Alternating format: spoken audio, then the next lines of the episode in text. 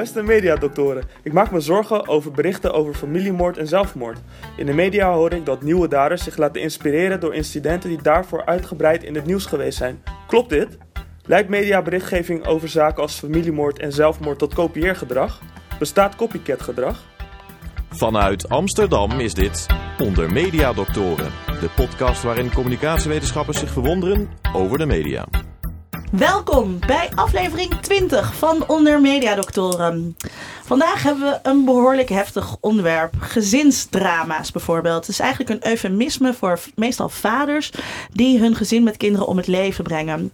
Dat gaat gepaard met hevige emotionele berichtgeving in de media.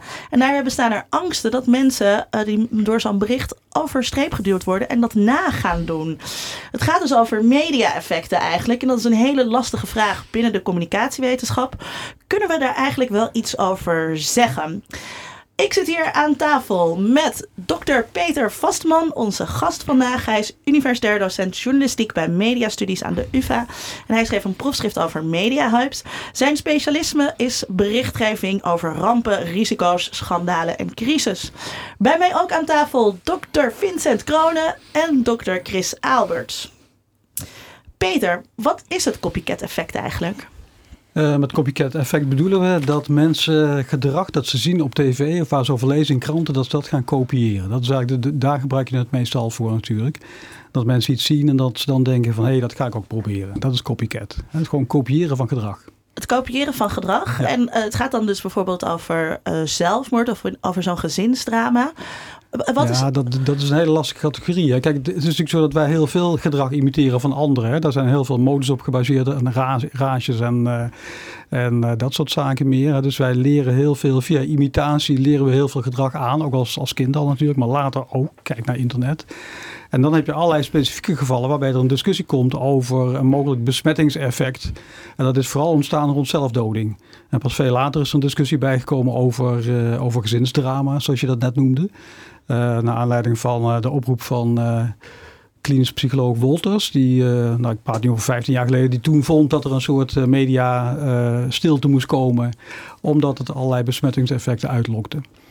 En sindsdien hebben we die discussie dus over, ja, als je dus uh, die zelfmoorden, als je daar veel publiciteit aan geeft, leidt dat tot uh, imitatiegedrag. Of als je uh, ja, incidenten laat zien die te maken hebben met vandalisme, met mishandeling. Uh, op scholen bijvoorbeeld, pesten, leidt dat tot imitatie. En daar zit natuurlijk een hele discussie aan vast over ja, de effecten van de media of mediaberichtgeving. En hoe komt het dat nou juist uh, zelfmoord een, een praktijk was waarbij dat copycat gedrag voor het eerst besproken werd? Ja, dat, dat, dat, is eigenlijk het onderwerp waar het meeste onderzoek naar gedaan is. Echt al sinds de jaren 60 zo'n beetje uh, had men een vermoeden dat daar een verband tussen bestond. Tussen aandacht voor, uh, voor zelfdoding en, en dat mensen dat kopiëren. Dat is in ieder geval de, de manier van zelfdoden bijvoorbeeld kopiëren. En er is ook veel onderzoek naar gedaan waaruit bleek dat er inderdaad wel besmettingseffecten waren. En dat mensen zich wel lieten inspireren, met name door uh, berichtgeving over celebrities, over beroemde mensen die, uh, die zelfmoord plegen. En uh, waar heel veel aandacht aan, aan besteed wordt. Hè. Je zou even kunnen denken aan in Nederland natuurlijk aan de zelfmoord van onze acteur Antonie Kamerling. Kamerling. Ja, precies. Ik dacht dat zou mooi zijn voor een onderzoek, want daar is heel veel publiciteit over geweest op de voorpagina. En kijk, en, uit dat onderzoek blijkt voortdurend dat als je dat uh, gaat romantiseren als een soort oplossing voor ja, de problemen waar mensen mee zitten. Uh, ja, dat dat uh, mensen die toch al nadenken over, of die somber zijn, of die nadenken over zelfdoding, die worden dan toch nog geïnspireerd of komen nog, die krijgen nog een zetje om dat ook te gaan doen en zo. En dat, dat is wel, dat, is, dat effect is wel redelijk aangetoond in allerlei onderzoek. Maar er zijn eigenlijk heel veel onderzoeken die dat niet aantonen. Ik vraag me eigenlijk af, Vincent, wat is de nieuwswaarde van uh, rapporteren over een zelfmoord? Waarom moet het volk weten dat iemand in Telstra-deel uh, zich van het leven heeft beroofd? Nou, dat misschien in eerste instantie nog niet zozeer. Maar als een Anthony Kamerling uh, zich ja. van het leven beneemt... Ja, dan roept dat natuurlijk hele diepe romantische vragen op over waarom zijn we eigenlijk op aarde en is dit niet een uitweg en allemaal dat soort vraagstukken komen in de journalistiek dan naar voren, maar komt zeker ook bij het publiek naar voren. En een zelfdoding is natuurlijk een hele radicale daad. Dus op het moment dat dat bij jou in de buurt gebeurt en iemand neemt die keuze of heeft die keuze gemaakt, ja, dat is dan een verstoring van de normale orde. En dat is wel de meest primaire definitie van wat nieuws is. Ja. silicon chip inside her head gets switched to overload. And nobody's gonna go to school today. She's gonna make them stay at home. And he can see no reasons, cause there are no reasons. What reason do you need to be shown? Tell me why I don't like Mondays. Tell me why I don't like Ja, ja, een stukje van de Boomtown Rats, I Don't Like Mondays. En dat gaat over een schoolshooting eh, uit 1979. Ehm, Peter, kan je iets vertellen over wat voor soorten, over wat voor soorten praktijken dat copycat gedrag eh, nu precies gaat? Want we hadden het net al even over zelfmoord, over eh, Ja, eh, agressie. Kijk, bij die zelfmoord, daar is het zeg maar belangrijk om in de gaten te houden dat dat allemaal wel mensen zijn die natuurlijk al een zekere aanleg hebben of een depressie hebben of iets dergelijks. En wat ook bewezen is, is dat als mensen in hun eigen sociale groep een zelfdoding meemaken, heeft dat ook een enorm effect. Hè? Dus het, het copycat effect hoeft niet per se met media te maken te hebben. Als jij in een groep mensen, als je daar een geval van zelfdoding hebt, dan zie je dus altijd dat het risico dat het nog een keer gebeurt in die groep neemt toe. Dat is ook een bewezen effect. En eh, eh, kan je iets zeggen over de effectgrootte? Hoe, hoe sterk is dat precies? Eh, of kan je, ja, is daar, valt daar überhaupt iets Ja, dat is over lastig. Kijk, wa- waar de effecten wel groot zijn, is onder jongeren. En dan gaan er clusters ontstaan, omdat die jongeren zich allemaal op dezelfde manier van het leven gaan beroven. Er- zijn van die, van die suicide clusters geweest in Japan en in de Verenigde Staten. In Japan eh, maakten ze gebruik van een, eh, van een doe-het-zelf eh, barbecue'tje in de badkamer. Eh het is een hele ja, makkelijke, pijnloze dood eigenlijk, zou je kunnen zeggen. Oh ja. En dat werd enorm gekopieerd. Nou ja, er is ook onderzoek gedaan in Duitsland over een eh, Robert Enke. Die heeft zich voor de, de was Ja. een bekende voetballer, die had zich voor de trein gegooid. En die heeft, dat heeft tot 81% eh, meer, meer zelfmoorden geleid in de periode daarna dan er normaal zijn. 81 81%. Dus het is Maar natuurlijk een In een beetje... bepaalde periode dan. In een bepaalde periode, ik moet zeggen, dat heb ik nu niet helemaal paraat, maar het is wel de korte periode, Ja, ja, een paar weken dat- die daarna ja. zijn. Ja. Maar de- ja, dat laat dan een effect zien. Maar het Ja. probleem is natuurlijk een beetje van, ja, elke setting is anders. En eh, als je Ja. dat waarschijnlijk gaat uitmiddelen, dan weet je eigenlijk niet Ja. precies. Dan heb je wel eens 0%, je hebt 10%, je hebt 80%. Ja, nou, er is ook een ander beroemd onderzoek o- over, eh, over Oostenrijk, geloof ik, bij eh, de zelfdoding in de metro, waar Ja. veel over geschreven werd. Eh, ze hebben gevraagd, willen jullie stoppen met publiceren erover? En toen nam het aantal zelfdodingen daar op die plek af. Maar goed, dat, dus er zijn wel degelijk besmettingseffecten bij, eh, bij zelfdoding. Hè, dus het kan in die groep zijn, het kan met media-aandacht te maken hebben, het romantiseren, wat, wat bij die celebrities een belangrijke rol speelt natuurlijk. Eh, maar het is wel zo geweest in Nederland dat, eh, dat Nederlandse media heel terughoudend zijn geweest altijd met het bericht over zelfdoding. Veel terughoudender dan eh, andere landen. Hè. Er was toch een soort ja, ongeschreven code van je schrijft niet over zelfdoding. Dus over al die mensen over, ja, die zich voor de trein werpen. Dat zijn individuele gevallen. Daar wordt eigenlijk niet over geschreven in Nederland. De, de, de zorg over copycats komt natuurlijk ook voort uit dat wij als mensen, en journalisten zijn er ook mensen, altijd zoeken naar een soort patronen. Ik weet niet of we nog de Ja. snelwegschutter kunnen Ja. herinneren, Ja. hè, waar ook geen oorzaak Ja. voor te vinden was. Maar als er iets groots gebeurt, dan valt andere gebeurtenissen worden verklaard is- vanuit ja. die grote Ja. gebeurtenis die daarvoor was. Vandaar ook de eh, aantrekkingskracht van de Boomtown Rats. Eh, eh, eh, dat ging over iemand die daadwerkelijk op een kleuterschool mensen had neergeschoten. En zij werd gevraagd om haar motieven. En haar antwoord was... I don't like Mondays. Hè? Ja. What reason Ja, ja. do you need Ja. to die? Ja, ja. Ehm, Vincent, jij maakte een item. Daar gaan we naar luisteren.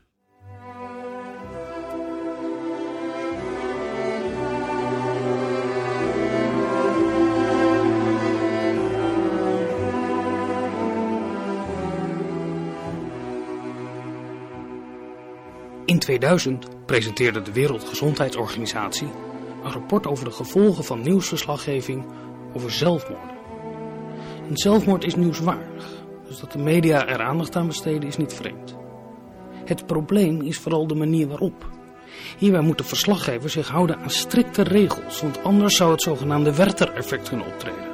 Verwijzend naar de tientallen jongelingen die na het lezen van de volgende zinnen zich net als de hoofdpersoon een kogel door het hoofd schoten.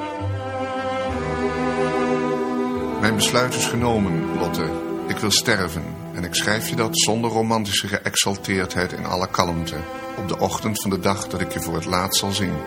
Als je dit leest, lieve beste, dekt het koele graf reeds het verstarde overschot van de rusteloze, de ongelukkige, die voor de laatste ogenblikken van zijn leven geen groter zoetheid zou weten dan met jou te praten. Ik heb een verschrikkelijke nacht gehad. En ach, een weldadige nacht. Deze nacht is beslissend geweest. Heeft me in mijn besluit gesterkt. Ik wil sterven. Ze zijn geladen. Het slaat twaalf uur. Zo zei het dan. Lotte. Lotte. Vaarwel. Al in de 18e eeuw is er felle kritiek op Goethe in zijn roman Die Leiden des jongen Werthers. En die kritiek lijkt sterk op wat de Wereldgezondheidsorganisatie als richtlijnen heeft opgesteld voor journalisten. Maak van een zelfmoord geen sensatieverhaal. Niet te veel emoties. Houd zakelijk en feitelijk. Geen gezeur over een gebroken hart. Liever een vage zin als het zelfverkozen einde. Wees zeer terughoudend met details over de omstandigheden en vooral de manier waarop de zelfmoord is uitgevoerd. Niets over pistolen zoals bij Werther of de locatie waar iemand gevonden is, zoals bij het spoor, in het water of onder een toren. Zelfmoord heeft nooit één oorzaak, ook niet de onmogelijke liefde van Werther voor Lotte. Het is geen antwoord op persoonlijk lijden zoals Werther uitvoerig omschrijft. Keuter was geen journalist, maar als de Wereldgezondheidsorganisatie gelijk heeft, wordt het dan geen tijd om dit levensgevaarlijke boek te verbannen? Heeft Keuter niet al genoeg slachtoffers gemaakt?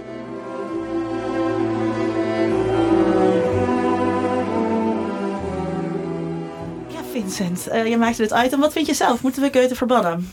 Nou, die, die journalistieke eh, richtlijnen die er zijn, die zijn slecht voor de romantische ziel natuurlijk. Hè, een zelfdoding, dat kan natuurlijk een grote romantische daad zijn... waarbij je jezelf de overbodigheid die jij hebt in de wereld wegneemt... en dat je mensen niet meer tot last bent en...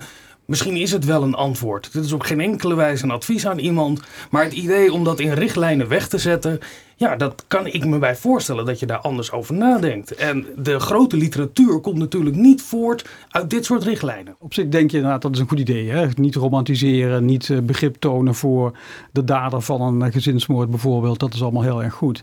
Maar ik denk dat we intussen eh, gewoon qua onderwerp en hoe de media omgaan met privacy, met, met gevoelens, met relaties, met allerlei sociale problemen. Ik denk dat we dat, dat stadium een beetje voorbij zijn. Dus ik, wat ook gebleken is later uit onderzoek is dat juist ook goede berichtgeving mensen juist kan helpen. Hè? Omdat het onderwerp aan de orde komt, omdat het, eh, de zelfdoding aan de orde komt, en de motieven en eh, wat ertoe leidt enzovoorts. En ik denk dat, dat zoals nu de samenleving aan het, aan het praten is over relaties, over problemen, over allerlei zaken, dat dat eigenlijk niet meer zo goed past bij die oude richtlijnen van doe maar zakelijk en zo afstandelijk mogelijk en vooral geen details en zo. En en dat, dat, En ik, is- ik denk dat we dat ook- gehad hebben. Ik denk dat dat voorbij is. Het is ook lastig, want journalisten eh, zijn niet meer allemaal verenigd. Eh, die houden zich Oh, niet allemaal meer aan de dat, code. Dat ook nog. Dat ook. Maar je zag toen bij, bij, bij Kamerling dat, hè, dat, dat NRC dat groot op de voorpagina had staan. En eh, ja, ik denk ook eh, dat dat eh, helemaal geen slecht idee was. Je kunt wel zeggen, ja, dat is sensatie. Maar ik denk tegelijkertijd, dit is een, voor- een voorbeeld wat heel veel mensen aanspreekt. Of, of iemand, dat boek van haar, van, haar van, van Isa Hoes is ook ongelooflijk goed verkocht. Dus ik denk dat, dat, dat we dat aspect veel meer aandacht zouden moeten geven. Dat je er juist over moet praten. Dat je het niet moet wegstoppen in zakelijke, coole berichten. Maar dat je juist het onderwerp aan de orde zou moeten stellen. Vincent? Nou, de Wereldgezondheidsorganisatie die zegt ook als een van de, want het is een hele lange lijst met richtlijnen, Ja, eh, bericht nou wel over wat het allemaal teweeg heeft gebracht. Zo'n boek van Isa Hoes hoort erbij.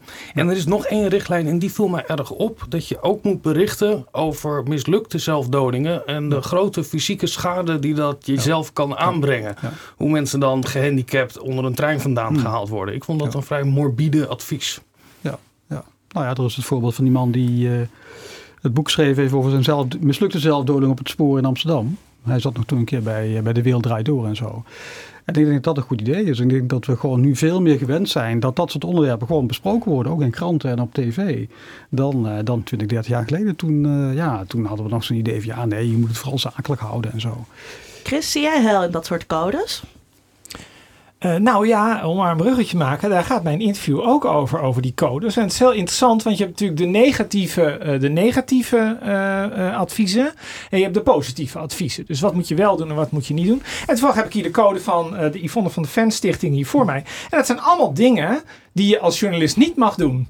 Dus je mag niet, je, moet, je moet abstract blijven, je moet de privacy respecteren, en je moet niet simplificeren en geen details geven. En dat zijn allemaal dingen die heel erg tegengesteld zijn aan wat journalisten journalisten doen. En dat is een beetje, dat is een beetje het problematische. En dan zijn er wel dingen die, ze, uh, die wel gewend zijn. En daar is eigenlijk geen code over. Die we wel gewend zijn, Hmm. wat bedoel je? Nou ja, die, die, wel, die wel gewenst zijn. Dus, uh, die, uh, dus dat je wel het bespreekbaar maakt. Um, maar ik bedoel, het, eerlijk gezegd, als je mij nou vraagt van ja, hoe heeft de zelfmoord van Antoni Kamerling um, dat, dat bespreekbaar gemaakt, heb ik daar nou niet meteen een beeld bij uh, hoe je dat nou als journalist zou kunnen doen. Terwijl er kennelijk terwijl er wel ideeën zijn over hoe we het copycat uh, effect kunnen tegengaan. Chris, jij had een interview, daar gaan we nu naar luisteren. Mijn naam is Ida Bontjes en uh, ik ben lid van het bestuur van de Yvonne van de Ven Stichting. En uh, ons doel is eigenlijk om nou, de suïcide als maatschappelijk probleem aan de orde te stellen. En ook om vooral te bevorderen dat er een betere, betere suïcidepreventie komt. En uh, dat doen we onder andere door de overheid te stimuleren om daar een scherper en beter beleid in te voeren. En uh, we willen ook graag dat er betere hulpverlening voor nabestaanden komt.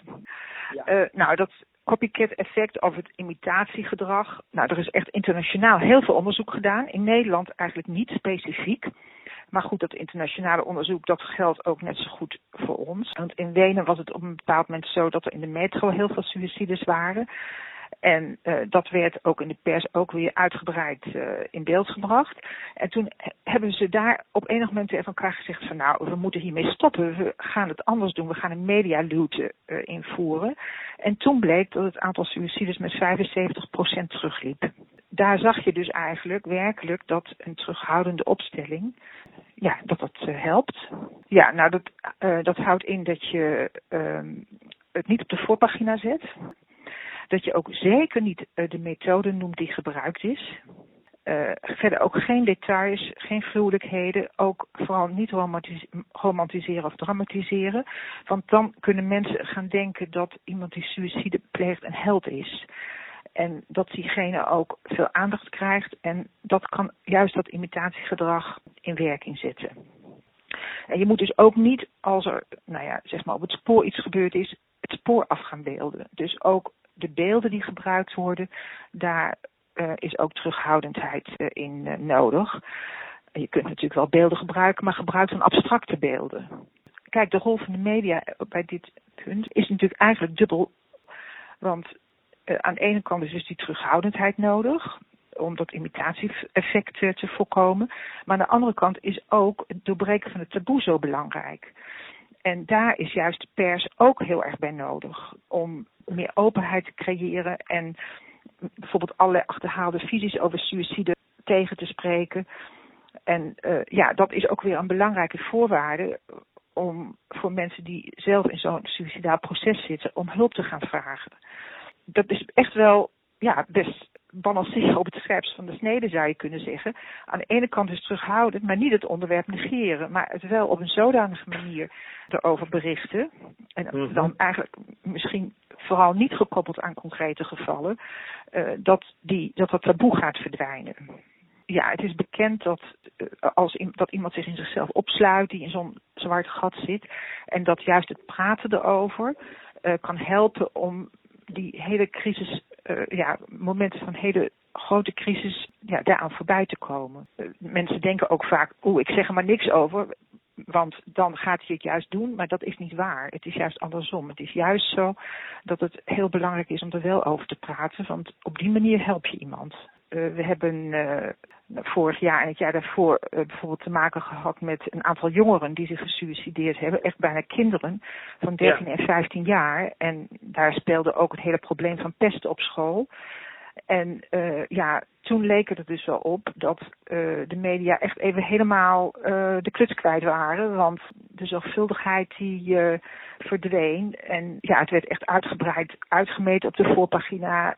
Er werden verdachtmakingen en zelfs beschuldigingen geventileerd. Ja, en dat is natuurlijk, ja, dat is precies de averechtse ontwikkeling. Suïcidepreventie is echt een heel breed maatschappelijk iets. Het is niet alleen maar iets waarvan je kunt zeggen dat hoort in de GGZ thuis of dat hoort in de gezondheidszorg thuis. En vanuit de pers kan er dus ook een bijdrage aangeleverd worden. Juist omdat het onderzoek zo heel duidelijk laat zien dat dat copycat effect bestaat. En dat ja. kan je, vind ik, als journalist toch niet negeren. Ik hoorde uh, Ida Bonsjes praten over pesten. En uh, nou weet ik dat uh, er inderdaad een paar zelfmoorden zijn gerapporteerd. Waarbij er sprake zou zijn geweest van bangenlijstjes, wat later niet het geval bleek. Mm. Of waarbij er sprake was uh, van pesten, wat later niet het geval was. Mm. Um, Peter, kan je iets zeggen over de zorgvuldigheid waarmee journalisten eigenlijk omgaan met dit soort gebeurtenissen? Ja, zeg maar onzorgvuldigheid dan misschien. Ja. Nee, kijk, het probleem is voor de journalistiek is natuurlijk dat ze, dat ze heel erg behoefte hebben aan een makkelijk frame. Van, oh ja, er is een zelfdoding, een jongen, 12 jaar, 14 jaar, en dat komt omdat hij gepest werd, of 16 jaar enzovoort. En dan zie je altijd dat er twee, drie maanden later of twee, drie weken later ook nog een geval opduikt. En dat wordt er ook mee verbonden. En zo heb je al snel een cluster van drie gevallen. En dat is een soort framing waar de media natuurlijk dol op zijn. Want dan heb je een trend en dan uh, kun je daar achtergrondverhalen over maken. Dan ga je aandacht aan besteden enzovoort. Maar ze, ze onderzoeken dus vrijwel nooit of dat daadwerkelijk ook de oorzaak is geweest en of niet heel veel andere dingen speelden enzovoort. En ja, we weten natuurlijk allemaal dat, dat alleen dat pesten uh, helemaal niet de, de doorslag geeft, maar dat er heel veel factoren een rol spelen. Alleen het is een heel makkelijk frame om dat zo te doen. En datzelfde zie je bij die gezinsdrama's, want daar begon je de uitzending mee. Ook bij die gezinsdrama's wordt ook alles op één hoop geveegd. Hè? Alsof, alsof het altijd de wanhopige ouder is die uh, zijn kinderen uitmoordt. Nou, uh, in heel veel gevallen zijn het gewoon ex-mannen ex, die uit wraak de kinderen vermoorden en eventueel ook nog de vrouw. Soms zijn het halve criminelen omdat ze een nieuwe relatie hebben en die vrouw uit de weg geruimd moet worden enzovoort. En soms zijn het wanhopige moeders die uh, een postnatale depressie uh, besluiten om de kinderen te vermoorden. Dus dat zijn hele verschillende gevallen die allemaal onder de noemer van gezinsdrama's worden gezet. En dan heb je al heel snel een cluster. En dan ga je ook verbanden zien. En dan denk je van, oh, het neemt toe. Maar het zijn hele verschillende gevallen. En dat maar is met die... mag het dus allemaal niet, zou maar zeggen. Want ik bedoel, als je natuurlijk kijkt naar wat zij daarover zegt. Hè, het mag niet op de voorpagina. Je mag geen details geven. Je mag niet dramatiseren. Eigenlijk zegt ze volgens mij, je mag er alleen maar algemene ja, informatie ja, over geven. Dus je moet een algemene voorlichting om het, om het taboe te doorbreken. Dat, dat, is voorlichting, dat is geen journalistiek. Nee, precies. Maar dat, is, de, maar dat is volgens mij nou ongeveer alles wat er gezegd wordt in die richtlijnen. Leidt eigenlijk toe dat je eigenlijk kunt zeggen: nee, we willen eigenlijk geen aandacht hiervoor. Wat ik me daarbij ook uh, uh, wel opviel, was: uh, er, er is nu al een paar keer onderzoek genoemd dat heel duidelijk het effect aantonen van een mediastilte. is er ook het effect aangetoond, Peter, van positieve aandacht, taboe doorbrekende aandacht? Is dat er daar, ook? Daar is ook onderzoek naar gedaan, ja, ja. Daar, uh, daar is uh, duidelijk naar gekeken. Naar, zijn er nou positieve effecten te, te bedenken, waardoor mensen niet, op niet hè, van hun idee afgeholpen worden enzovoorts. En dat, daar is wel degelijk ook uh, naar gedaan. Dat, dat blijkt er ook uit naar voren te komen. En ik vind ook dat juist die hele discussie veel te vaak gaat over inderdaad wat we niet moeten doen. En dat er een uh, gevaarlijk effect is en zo. Terwijl uh, ik denk dat berichtgeving juist heel erg kan helpen. En juist een belangrijke rol kan spelen in het aan de orde stellen van, van zo'n maatschappelijk probleem.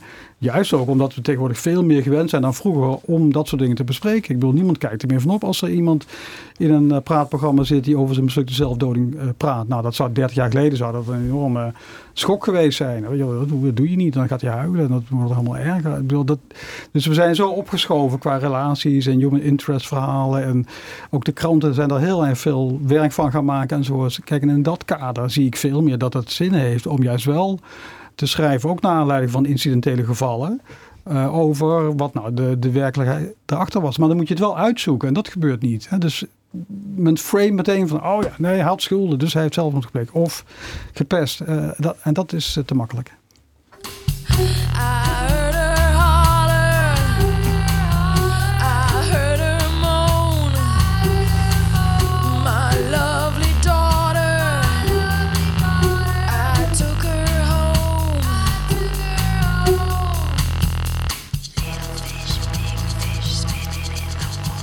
Ja, we komen aan het einde van de uitzending en dan proberen wij altijd onze vraag te beantwoorden. Um, de vraag was, uh, bestaat copycat gedrag? Ik denk dat we daar wel al voldoende uh, uh, hebben beantwoord dat dat zo is. Um, maar moet de student zich zorgen maken over dat copycat gedrag in de media? En wat kunnen we eraan doen? Chris. Ja, ik denk eerlijk gezegd, uh, volgens mij moeten we meer onderzoek doen. Dat klinkt heel, uh, dat klinkt nou, wel heel erg saai, ontzettend saai klinkt dit. Uh, wij moeten meer onderzoek doen. Nee, wat ik wel denk is, kijk, waarom is dit zo? Waarom staat dit zo als een paal boven water dat dit bestaat?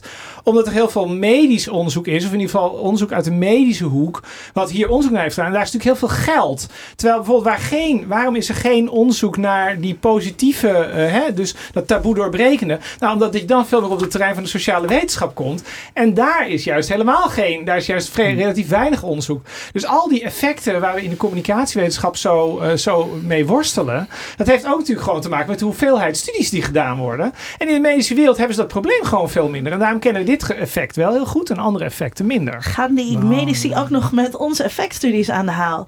Vincent, antwoord op de vraag. Ja, ik, ik pleit eigenlijk voor minder onderzoek hiernaar. Want we, hebben altijd, we zien altijd de relatie tussen iets waar we niet blij mee zijn, suïcide of mensen die heel dik zijn of agressief of gek seksgedrag vertonen, en de media.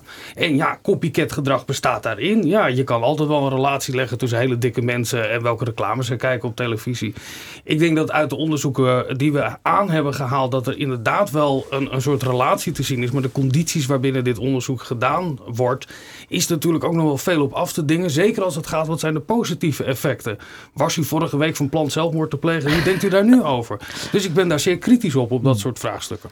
Peter Vasteman, het laatste woord is aan jou. Het laatste woord is mij. Nou ja, ik denk dat het wel een belangrijke discussie is waar ook nog veel meer onderzoek naar gedaan zou moeten worden. Maar je moet wel je ook realiseren dat copycat natuurlijk ook een belangrijke rol speelt bij heel veel andere vormen van ongewenst gedrag, zoals vandalisme, mishandeling, brandstichting.